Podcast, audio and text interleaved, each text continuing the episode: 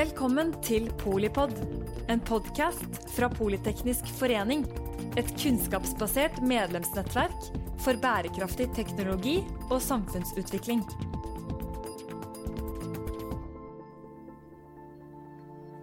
Velkommen til eh, Full sirkel av Polipod.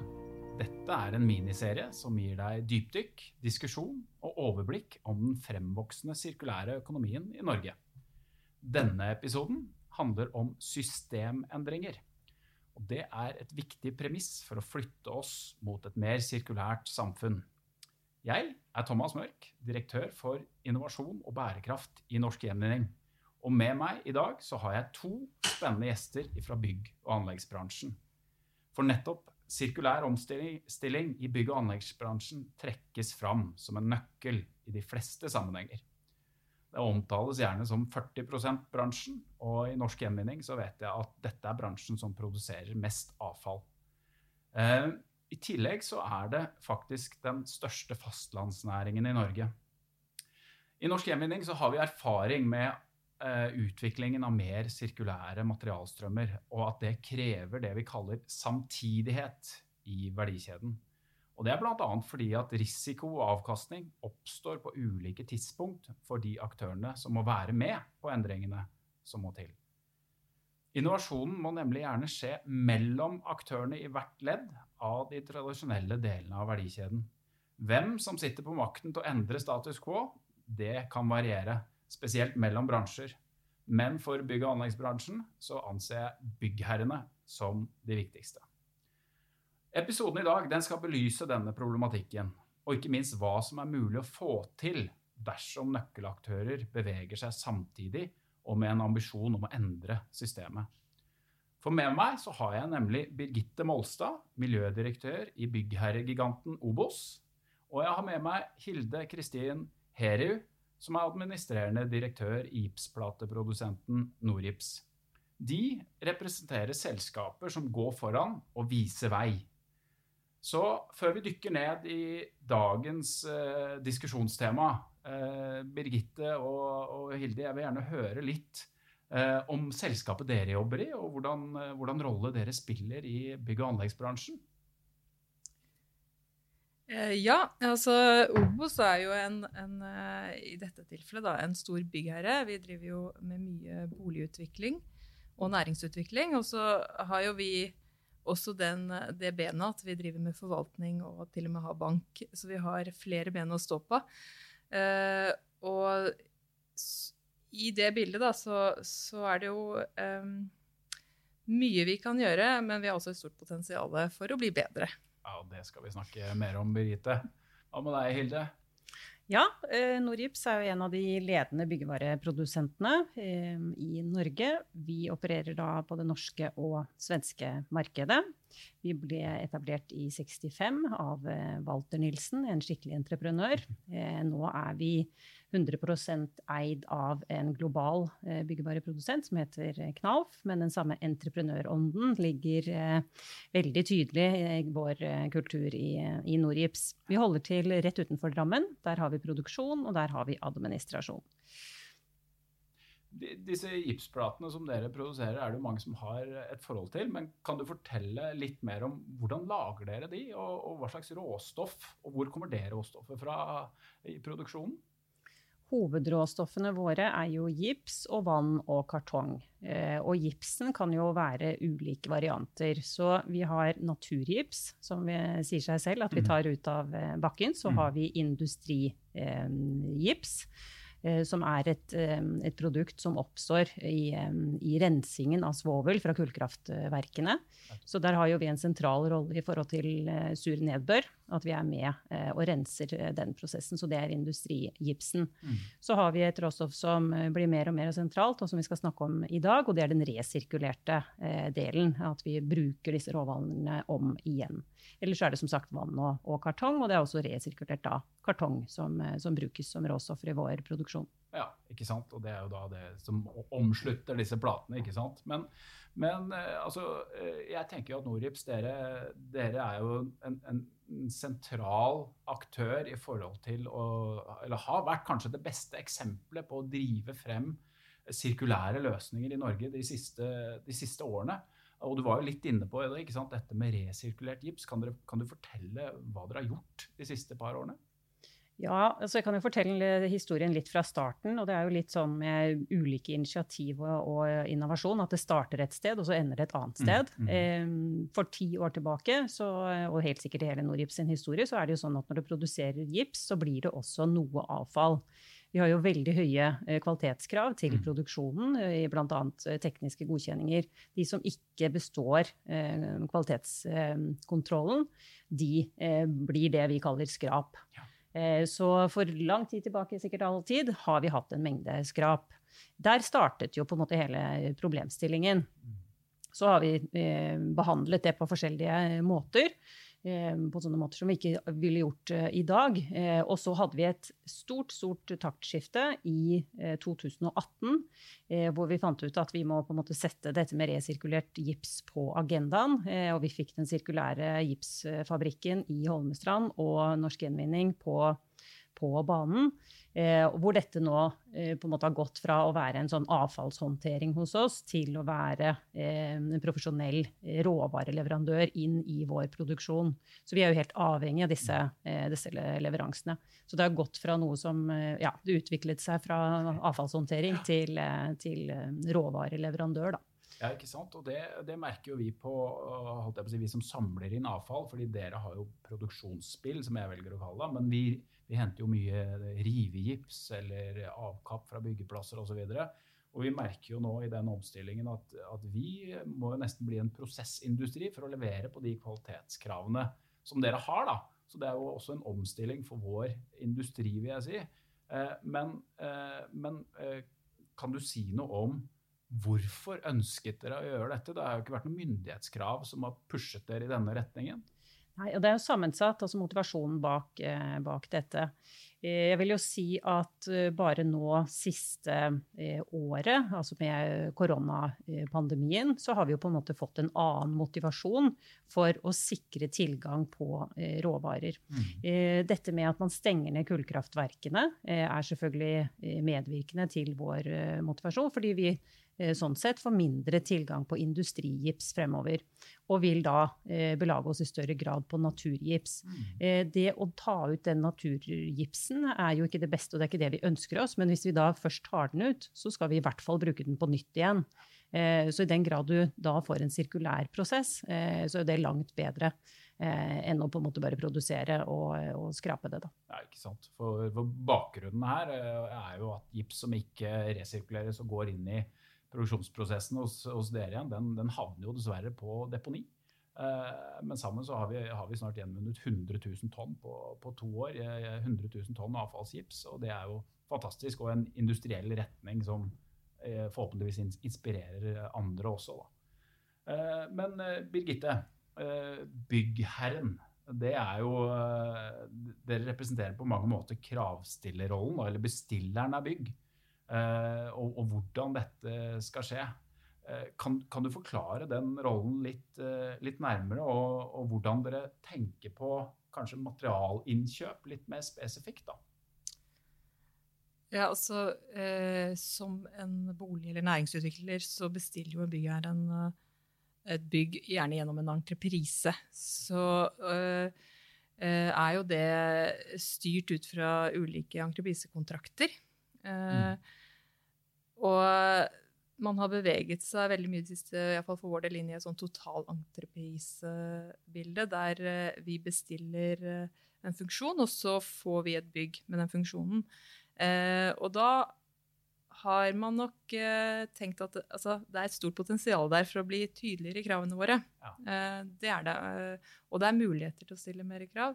Men det blir et sånt kostnad-nytte spørsmål. Hvor mye krav kan vi stille før, før uh, vi beveger oss inn og tar for stor bestillerrolle da, mm. uh, i den entrepriseformen. Ja.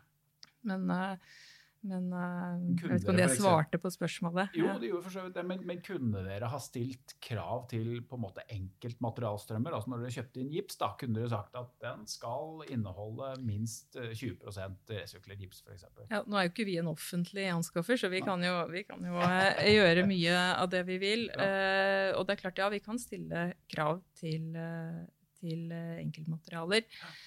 Uh, da kan jo lista etter hvert bli veldig lang. Mm. Så, og vi har ikke vært gode nok på det til Mm. nå, men det her er jo noe vi ser på. Vi ser jo på hvordan vi skal få ned klimagassutslippene fra byggene våre, og da er vi jo nødt til å se på materialene. Mm. Uh, og det vet vi, så vi, uh, vi kommer nok til å se mer på hvordan vi kan gjøre det. Mm. om vi spesifiserer produkter, spesifikke produkter, Ja. uh, det er jeg usikker på. Også fordi at nå er jo Norgips et veldig godt eksempel Mm. eh, på et, et godt produkt eh, på den, eh, innenfor dette, eh, dette temaet. Men det er klart eh, vi må se på, på alle produktene. Mm. Absolutt, ikke sant? Men, men det høres ut som du, du lar deg inspirere av Norgips og hva man har fått til her. Absolutt. Mm. Og, og vi håper jo at flere produs produsenter kan komme på banen og lage gode eh, gjenbruksprodukter. Mm. eh, Mm. Som er Ja, eh, sant? Hvis vi plukker opp på det, da, hvilke andre materialer er det, hva, hva, er viktigst å ta tak i? liksom? Altså skal vi nå de eh, klimamålene som, som Norge har satt seg, eller de internasjonale forpliktelsene vi har, så, så må vi ta tak i de store Mm. volumene. Eh, betong og tre eh, er jo de største.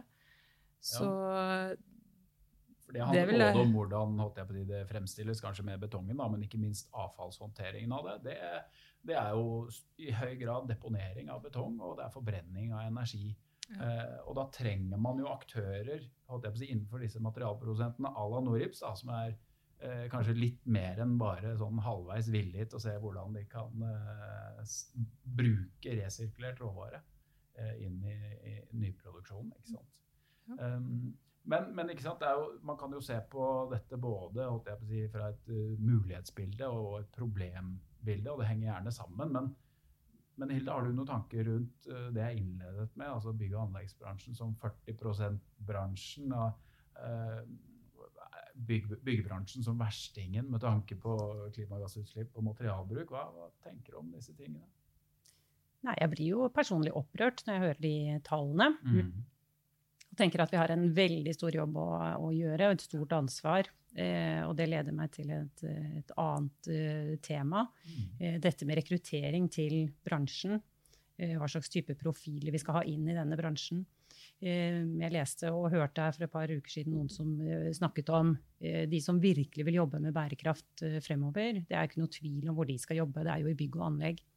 Um, og det er jeg helt enig i. Um, jeg har jo selvfølgelig jobbet med, med bærekraft nå, men på en helt annen måte enn tidligere. Mm. Fordi når du oppdager på en måte verdien eh, som du sitter og forvalter altså Vi sitter i, Norgips, men som ledelse av Norgips, hvilke valg vi sitter i posisjon til å ta, Mm. og hvor store konsekvenser det får, så, så blir du jo ekstremt motivert eh, til å holde på. Og det er jo faktisk sånn ikke sant, at eh, hvis vi velger å produsere på en viss eh, måte, eller vi velger en viss råvare, eller vi velger en viss transport, så har det jo enorme konsekvenser. Vi kjører jo produksjonen vår full fart året rundt. Mm. Mm. Um, så, så det er jo veldig viktig at man våkner opp uh, og tar et ansvar, alle sammen. Mm. Og jeg tenker også for, for den enkelte, da. Uh, å finne mening i det å reise på jobben hver eneste dag. Mm. Ja, da er alle velkommen til bygg og anlegg, altså. Ja, ikke sant. Der er det muligheter. Ja, ja, det er det til. Ikke sant? Men det, altså, merker du det, Birgitte? At liksom, kanskje det er eh, de unge fremadstormene som, som pusher dere, eller inspirerer dere, for den saks skyld? Det er jo helt klart at eh, det å, å både tiltrekke seg eh, å være eh, unge og attraktive arbeidstakere, og være en attraktiv arbeidsgiver, da blir jo dette bærekraft veldig viktig. Mm. Uh, men altså, vi, og Obos er jo en medlemseid bedrift, så at, for oss er det også medlemmene som, som eh, mener at uh, dette er et viktig tema. Men jeg støtter jo dere i Norwich helt klart på det der med at det er de store bildet av det du klarer å få til da, eh, når du gjør disse grepene, eh, som en bedrift er eh, ganske stor når du ser på det. Eh, vi produserer jo mellom 2000 og 3000 enheter, eh, boligenheter i året. og da blir jo det å skifte til en, eh, en gipsplate med lavere CO2-utslipp, uh, veldig viktig. Mm, Ja. Få enorme konsekvenser. Og det er eh, altså, meningsfylt, det å kunne bidra til eh, store endringer da, som virkelig betyr noe. Er det et sted du kan få det til, eh, så er det virkelig bygg- og anleggsbransjen. For man kan si at det er kanskje der det har stått dårligst til, men eh, i min verden så betyr jo det der, der, der de største mulighetene er også. Så må jeg slå et slag for gjenvinningsbransjen, for vi, det, er ikke, det er ikke så gærent meningsfullt eh, der heller. Men det er nettopp det, dette henger jo så tett sammen, ikke sant. Um, men men uh, utover, nå har vi snakket litt om én driver for uh, kall det mer sirkulær uh, retning. Da kan være de unge, unge nye arbeidstakerne som, som kommer inn. Men er, det andre ting, andre drivere, som dere ser? Eller? Ja, altså jeg vil jo si at vi ser jo det som, den endringen som skjer i finansmarkedet nå, som en enorm driver. Eh, vi blir jo, det kommer jo et nytt regelverk fra EU med et miljøklassifiseringssystem som gjør at uh, store bedrifter får pålegg om å rapportere og følge opp dette her og gjøre noe. Og uh, når det finanstoget går, Mm. så går det fort. Mm. Og det, det gjør at uh, selv de som kanskje ikke har vært med før, de kommer på banen nå. Ikke sant? Mm. Så, så det er litt sånn også, Det er jo en del aktører som har gått foran her før på en måte regelverket har tvunget en frem til det, men det sier du, det kommer nå. Eh, og vil få med seg røkla, om du vil, da. Eh, men jeg tror jo, tror jo at man, skal man bygge reell konkurransekraft, så er det bra å være tidlig ute. Eh, Det tar meg egentlig litt eh, tilbake til Norgips. Kan, kan du si litt til det om hvem er som er konkurrentene deres? Er det bare andre som lager gipsplater, eller er det andre materialtyper, eller hvordan ser du på det? Um, nei, det er jo ikke bare de som jobber med gips. Nei. Det er det ikke. Vi leverer jo innevegger, yttervegger, fasade, himlinger, eh, mange forskjellige eh, produkter. Eh, så, så det ville være veldig begrensende å bare se på gipsprodusentene. absolutt. Og så er det jo litt sånn i, i Norgips, der kanskje vi er litt merkelige, men vi bruker overraskende lite tid på konkurrentanalyser. Mm. For da er jeg tilbake til den entreprenørskapet da, som ligger i vår organisasjon, som ligger i vår kultur. Eh, hvor vi har en sånn filosofi rundt det å sitte og bruke veldig, veldig mye tid på konkurrentene sine, egentlig eh, begrenser vinduet ditt for utvikling. At du må prøve å, å hente annen inspirasjon, finne på noe nytt. Eh, og her tenker jeg dette med bærekraft eh, er et godt eksempel på det. Det som ligger i på en måte vårt måldokument innenfor bærekraft nå, ville ikke vi kunne finne hvis vi på en måte lette rundt hos, hos da konkurrentene. Vi har funnet på helt andre, nye og det vi tror er spennende ting da, innenfor for bærekraft. Mm, ikke sant? Men, men når dere da tar det grepet og, og, bruker mer og mer resirkulert gips i produksjonen deres, så får jo det åpenbart noen, noen klimaeffekter da, som eh, formodentlig er positive. Hvordan, hvordan kommuniserer dere, eller hvordan gjør dere jobben for Birgitte og Obos og den eh, type aktører eh, lettere i forhold til å ta bærekraftige valg? da? Ja, der pirker du borti dårlig samvittighet. Eh, og det tror jeg vi bare skal være helt åpne på. At akkurat nå har vi eh, vært litt inne i vårt eget lille laboratorium og Mm. holdt på med ting. Eh, så før jeg kom hit i dag, tok jeg en liten titt på vår eh, kommunikasjon rundt bærekraft og dokumentasjon rundt det. Så tenker jeg at det er ikke helt intuitivt ikke sant? Eh, hva vi holder på med, og Mm. hvilke verdier som ligger til grunn. Så, så der har vi en jobb å gjøre. Eh, vi må eh, skrive dette her ut og, og kommunisere det på en sånn måte at det er forståelig. Um, og det, det bringer meg egentlig også over til noe som er relevant. Um, nå er jeg aktiv i byggevareindustrien, eh, og der jobber de jo nå veldig intenst med å få eh, produktdatamaler Mm. med all informasjon inn, sånn at vi kan sørge for å bli målt på de samme tingene. Vi konkurrerer på like vilkår, så det er jo bra for industrien og produsentene. Men de som skal kjøpe våre produkter, settes jo da i stand til å, å måle på en måte eple mot eple. ikke sant? Mm. Eh, det er veldig, veldig vanskelig eh, i dag, da. Ikke sant? Eh, Birgitte, er, er du enig i det? Er det vanskelig? Altså EPD-er eh, vil jo hjelpe Mm. veldig. Og vi jobber jo mye med det nå, så det er jo et viktig eh, verktøy for oss når vi skal vurdere materialene. Eller de der ute i prosjektene da, eh, Mm. sitter og gjør den vurderingen. Så er det eh, kjempeviktig. Ja, ikke sant? Så få dokumentert det på et objektivt vis, på tvers av konkurrenter, men på tvers av holdt jeg på å si, materialtyper osv. også, som man kan ta. Eh, Gode sammenligningsgrunnlag, så ja. du vet at du sammenligner epler og epler. Ja, ikke sant. Ja, Så da, da må du igjen, da, Hilde, og oppdatere her, fordi dere har jo gjort noe bra. Det må dokumenteres òg. Vi har eh, hjemmelekse. Ja. Sånn er det. det er bra, fordi altså, sånn som jeg ser på altså jeg, jeg, jobber jo fra Norsk side med, med, nær sagt alle bransjer og alle materialtyper. Og ser jo, møter jo mye konservatisme, naturlig nok. Eh, det er etablerte industrielle prosesser som man kanskje har holdt på med og forbedret i 50 år. Så, så det dere har gjort i Norips, det er for meg ganske formidabel industriell utvikling på, på, kort, på kort, tid. da. Eh, hva, hva, vil du si har vært det vanskeligste eh, på den reisen? Nei, Det er jo sammensatt. Eh, det å kjøre store mm, innovasjonsprosesser, utviklingsprosesser som vi har gjort de siste årene. Eh, da vi jobbet med dette med resirkulering, men eh, bare for å dra de siste årene også, I 2018 så byttet vi ut nesten hele produksjonen vår i nytt produksjonsutstyr for å bli mer effektive og mer energieffektive. I 2019 så byttet vi og digitaliserte supply chain-delen. Og nå inneværende år da, så har vi jobbet med dette å være fleksible på ulike typer råvarer inn i, i, i produksjonen. Så du kan jo tenke deg, Utfordringene er jo litt ulike, alt ettersom hva vi holder på med, og, og også når vi jobber med den resirkulerte biten. Jeg må si akkurat Det med resirkulert gips har egentlig, eh, takket være veldig gode samarbeidspartnere, gått fantastisk bra. Eh, og, det minner oss jo på at altså, og det ser vi veldig godt når vi jobber med bærekraft og våre mål. Vi har absolutt størst suksess der vi har samarbeidspartnere. Mm. Eh, det er der vi virkelig eh, får til noe. Eh, ellers så er det jo i vår verden så eh, Vi er jo eid av et globalt konsern. Eh, og da er det jo alltid altså Jeg sitter jo på en måte og, forvalter én enhet. Vi har sikkert 300 mm. tilsvarende enheter rundt omkring i verden. Så da er det jo selvfølgelig en kamp om investeringsmidlene. Så vi må gjøre det attraktivt for våre eiere å putte penger i den norske virksomheten. Mm. Så, um, og når du da skal ha bærekraftsinvesteringer, så er ikke det nødvendigvis enkelt. Det er en ganske tøff reise. Så da må du på en måte ha hjelp av um, effektivitetsanalyser og potensielt uh, salg frem i tid. Og, mm. det er en ganske stor barriere, da.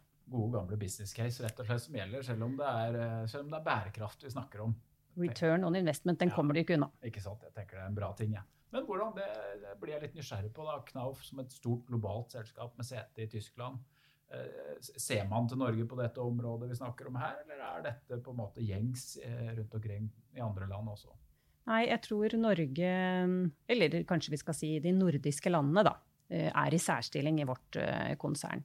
Eh, nå har vi et konsern som virkelig har det på agendaen eh, og vet at dette seiler inn, eh, og følger jo veldig tett med hva vi holder på med.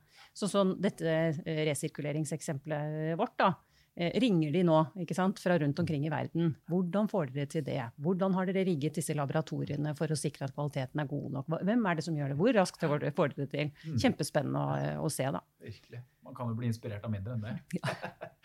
men, men eh, Birgitte, altså, det er jo bra at gipsen gjenvinnes, liksom. Men eh, fra et, fra et bærekraftperspektiv, eller økonomisk for den saks skyld, så handler jo om å redusere avfallet og, og, gjerne også ombruk. Er det, hvordan fokuserer dere på det i det store, større bildet? Ja, altså det å redusere avfallet, eh, det er kjempeviktig. Mm. Og eh, er noe vi ikke har sett nok på, men som vi begynner å se mer og mer på nå. Eh, har, det er et tema vi har brakt inn i denne byggenæringens klynge, Construction City, også for å se på For jeg har veldig tro som sier at dette må gjøres i samarbeid, gjennom samarbeid i bransjen. Uh, og uh, det å redusere avfallsmengdene er jo vinn-vinn-vinn. Uh, altså det er ressurser vi ikke bruker, det er transport som ikke trengs. Og Skanska har jo tall på at hver tredje gipsplate de har inne på et prosjekt, går rett ut igjen uten å bli brukt i produktet. Mm. det er jo det er iallfall bortkastet ressurser og penger. Mm. Så det å få fokus på avfallsminimering, og ikke at avfall skal oppstå i første omgang, det er, eh, det er eh, kjempeviktig. Mm, absolutt. Og så må vi selvfølgelig også ha fokus på å få mer ombruk. Men igjen så må vi finne løsninger som er eh, skalerbare. Da. For hvis du som oss utvikler 2000-3000 boliger i året, så kan du ikke gå og plukke ett vindu her og ett vindu der. Så det må være ting som er, eh, er industriell Industriell skala. Og akkurat gipsplaten, jeg vet ikke hvor enkelt er det å ombruke den? Er det Nei, jeg tror ikke Jeg har sett eksempler på det. At de skjærer ut deler av gipsplaten for å Mm. bruke det på nytt. Jeg er ikke overbevist av det jeg har, um, har sett, da.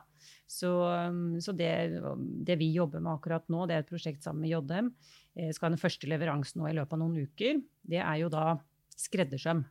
Eh, meget utfordrende Mm. prosjekt for oss. For det er jo akkurat det motsatte av hva vi har gjort i all tid, da. Masseproduksjon. Så nå skal det produseres sånn at én plate er én unik ID. Du har tatt hull til eh, dører, vindu, eh, el, rør, alt sammen. Skal bli veldig veldig spennende, og legger ikke skjult på fryktelig utfordrende også. Så der er vi på en spennende reise. Ja. Det er innmari imponerende. Og så må jeg si at det er veldig viktig når man starter sånne prosesser, at det ikke det er sånn at den, når med sånn precut, at det ikke avfallet ender hos dere. Da, at det, vi egentlig bare har flyttet problemet til et annet sted i, i verdikjeden. At avfallet blir produsert, bare at det blir produsert på gipsfabrikken deres. Det er, ja, så, så teknologien går jo da sånn steg for steg. ikke sant? Først så skjærer man ut på en måte hos oss, så går det rett tilbake uten å bearbeides inn i egen produksjon. Liksom fase én. Eh, og så er det å få på plass det utstyret som faktisk altså skjærer. ikke sant? Det kan være typisk lasere eller den type ting. Eh, med en gang. Eh, for målet er jo på en måte som du sier, det, skal ikke produseres noe mer. Det skal produsere akkurat det du trenger. Så vi er på en spennende reise der. Ja, ja, ja. Veldig, veldig spennende. Og vi fra gjenvinningssiden vi ønsker jo ikke å behandle avfall som ikke trenger å behandles. Så vi, vi jobber jo også for å redusere avfallet, selv om mange kanskje ikke tror det. da. Men uh, sier at det finnes ikke søppel mer, og alt har en verdi, og da skal vi ikke sløse bort ressursene. da. Men, men dere har vært litt inne på det, ikke sant? Eh, hvordan dere samarbeider med andre aktører. Og jeg innledet her med det vi kaller samtidighet, da, eller å orkestrere ulike aktører i verdikjeden eh, samtidig, eh, selv om man kanskje ikke får gevinsten eh, på, på likt tidspunkt. Har, har du noen tanker rundt hva som liksom er suksessfaktorene for å få det til å skje? Jeg tror du må ha litt tillit og tørre å være åpen og by på din prosess.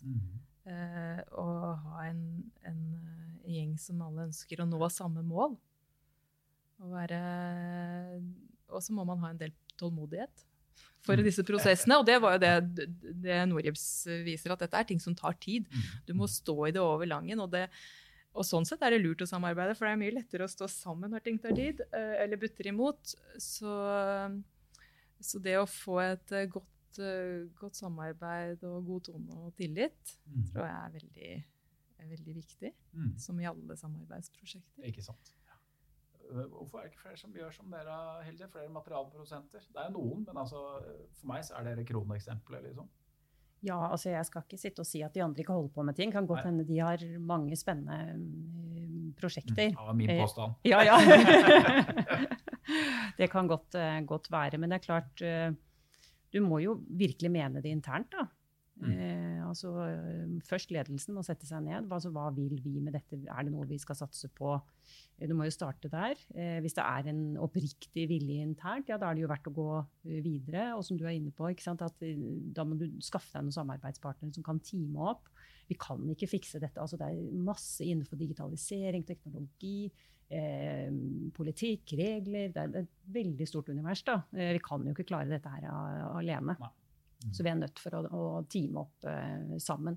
Og da, når du først har funnet på en måte de samarbeidspartnerne, så står det jo fortsatt på eh, Har de den finansielle styrken til å gjennomføre dette her?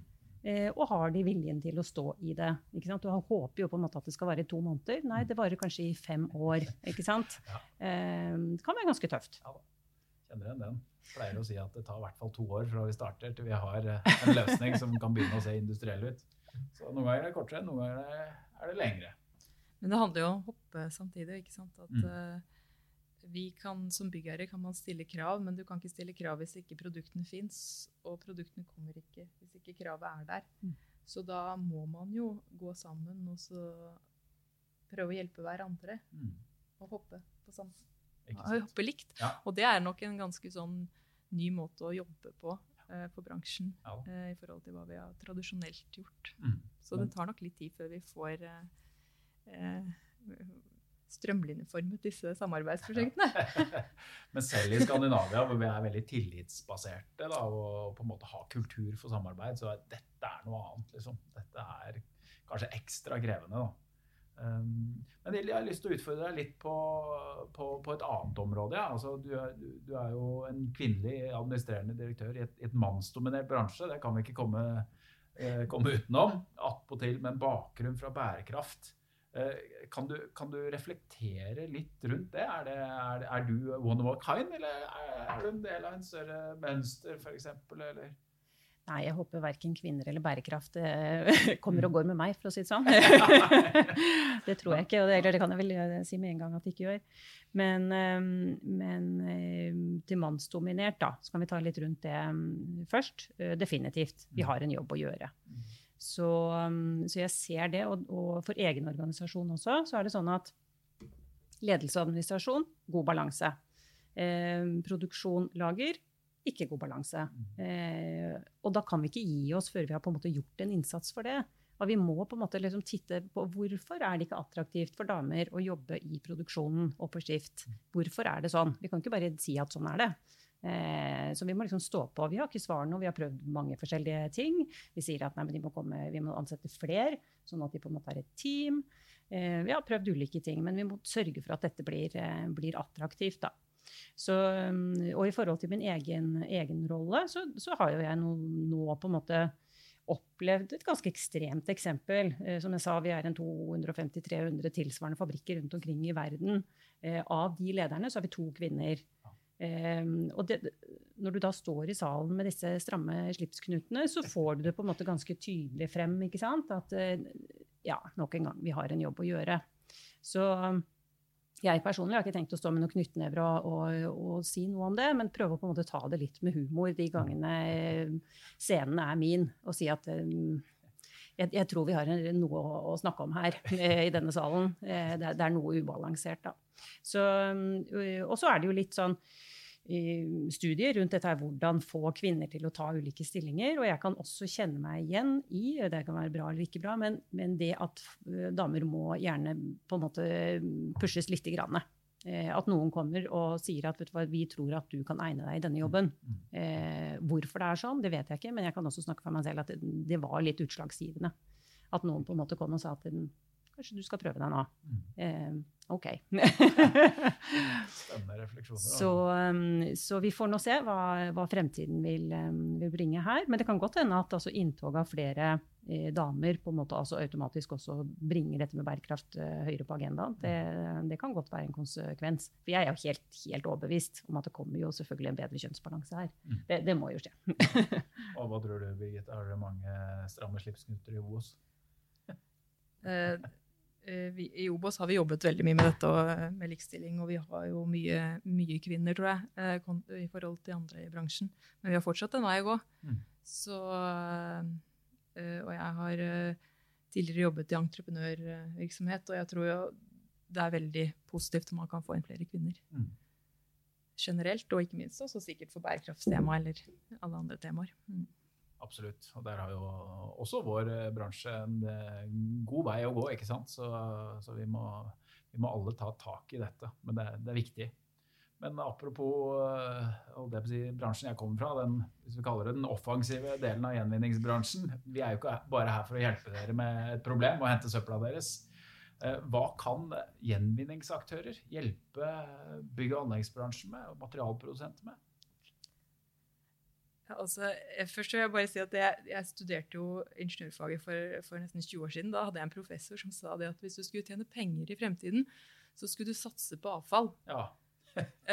um, og uh, det er jo nå vi begynner vi å se at vi kommer dit. Må jo fortsatt ha den samme ja, Det tok kanskje litt lengre tid enn han tenkte, men, men, men, vi er på vei. Og jeg tror den avfallsbransjen som tidligere har vært litt sånn uglesett, den har blitt, det har blitt en produsent av råvarer. Og vi ser jo mer og mer at det kommer til å bli det. Og med det vi ser nå som skjer på politisk og med finansiering og sånn, og økt uh, krav til sirkularitet, så er jo det en, en nøkkel i å få til dette, få nok råvare fremover. Mm.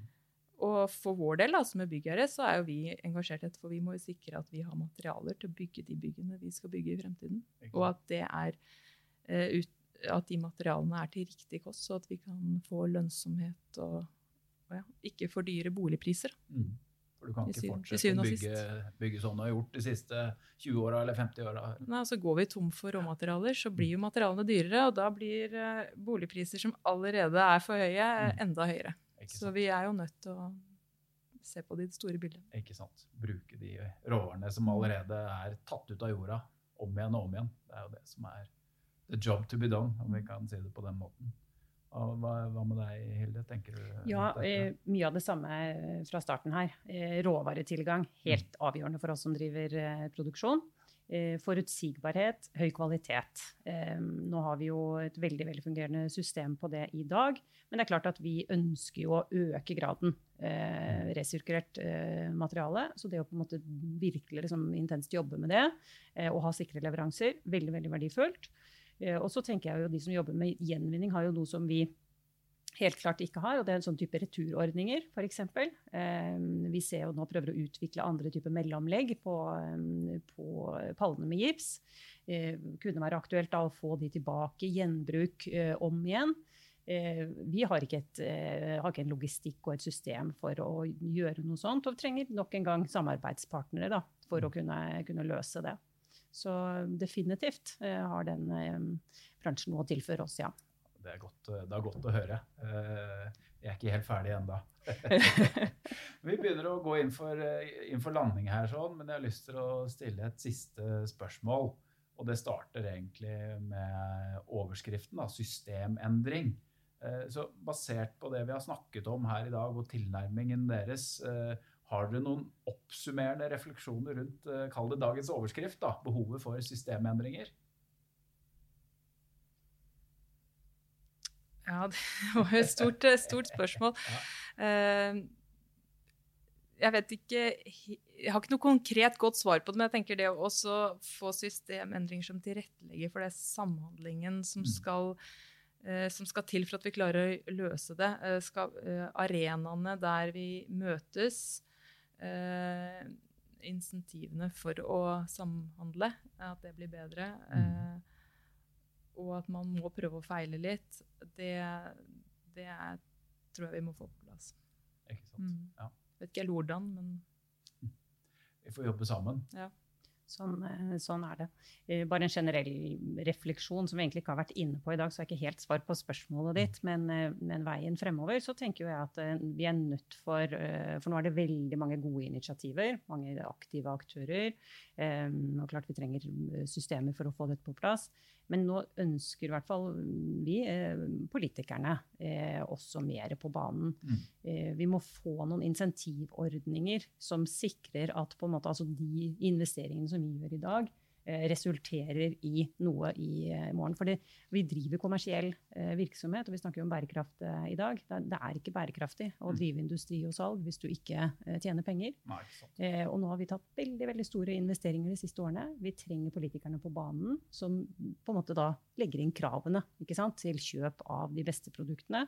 Eh, så vi omsider kan, da er vi tilbake på return on investment, Mm. kan få en god eh, løsning på det. Vi kan Mm. stå i det en stund, men vi kan ikke stå i det til evig. Nei, ikke sant. Og det samme gjelder jo også at vi ønsker jo å teste det ut. Det må jo testes ut, øh, men det er klart at øh, gode insentivordninger for å kunne prøve dette i prosjekter er, er viktig. Mm, ikke sant. Så det, det vi har hørt her i dag, er jo at det er holdt jeg på å si, både i, hos uh, offensive bedrifter endringene skjer, men ikke minst mellom uh, leddene i verdikjeden. Da. Eh, så her har vi jo eh, eksempel på, på, på hvordan det kan gjøres. men etterspør altså strammere, tydeligere mål eh, og på en måte tydeligere rammebetingelser fra politikerne. og Det, det tenker jeg de bør lytte til. da. Og Vi har jo sagt det fra Norsk hjemmeside side når vi er i dialog med politikerne med tanke på gipsgjenvinning i den industrielle skalaen på så kort tid. Dette fikk vi til på tross av dere, kjære politikere. Om noe så har de spent bein på oss underveis. Eh, så, så, sånn kan det jo ikke være lenger når vi, når vi har et uttalt mål, mål om å være eh, ledende Eh, så jeg tenker at dette her var veldig spennende å høre hvordan dere tenker, to nøkkelaktører i bygg- og anleggsbransjen som, som vi er enige om at er nødt til å gjøre ting litt, litt annerledes fremover. Så da, da, gjenstår det bare å, å runde av for i dag. og Eh, vi sier tusen takk til eh, gjestene våre og eh, bidragsytere Birgitte Molstad i Obos og Hilde Kristin Heru i Norips. Og ikke minst takk til deg som lytter på. Du finner denne og andre episoder i Full sirkel-serien under podkasten Polypod på Spotify og Apple Podcast. Og ikke glem å følge Politeknisk forening for innsikt og inspirasjon om bærekraftig teknologi og samfunnsutvikling. Og husk, det fins ikke søppel mer. Takk for i dag. Takk for at du lyttet til Polipod fra Politeknisk forening. Få med deg flere episoder, eller bli med på nettverksmøtene som du finner på at polyteknisk.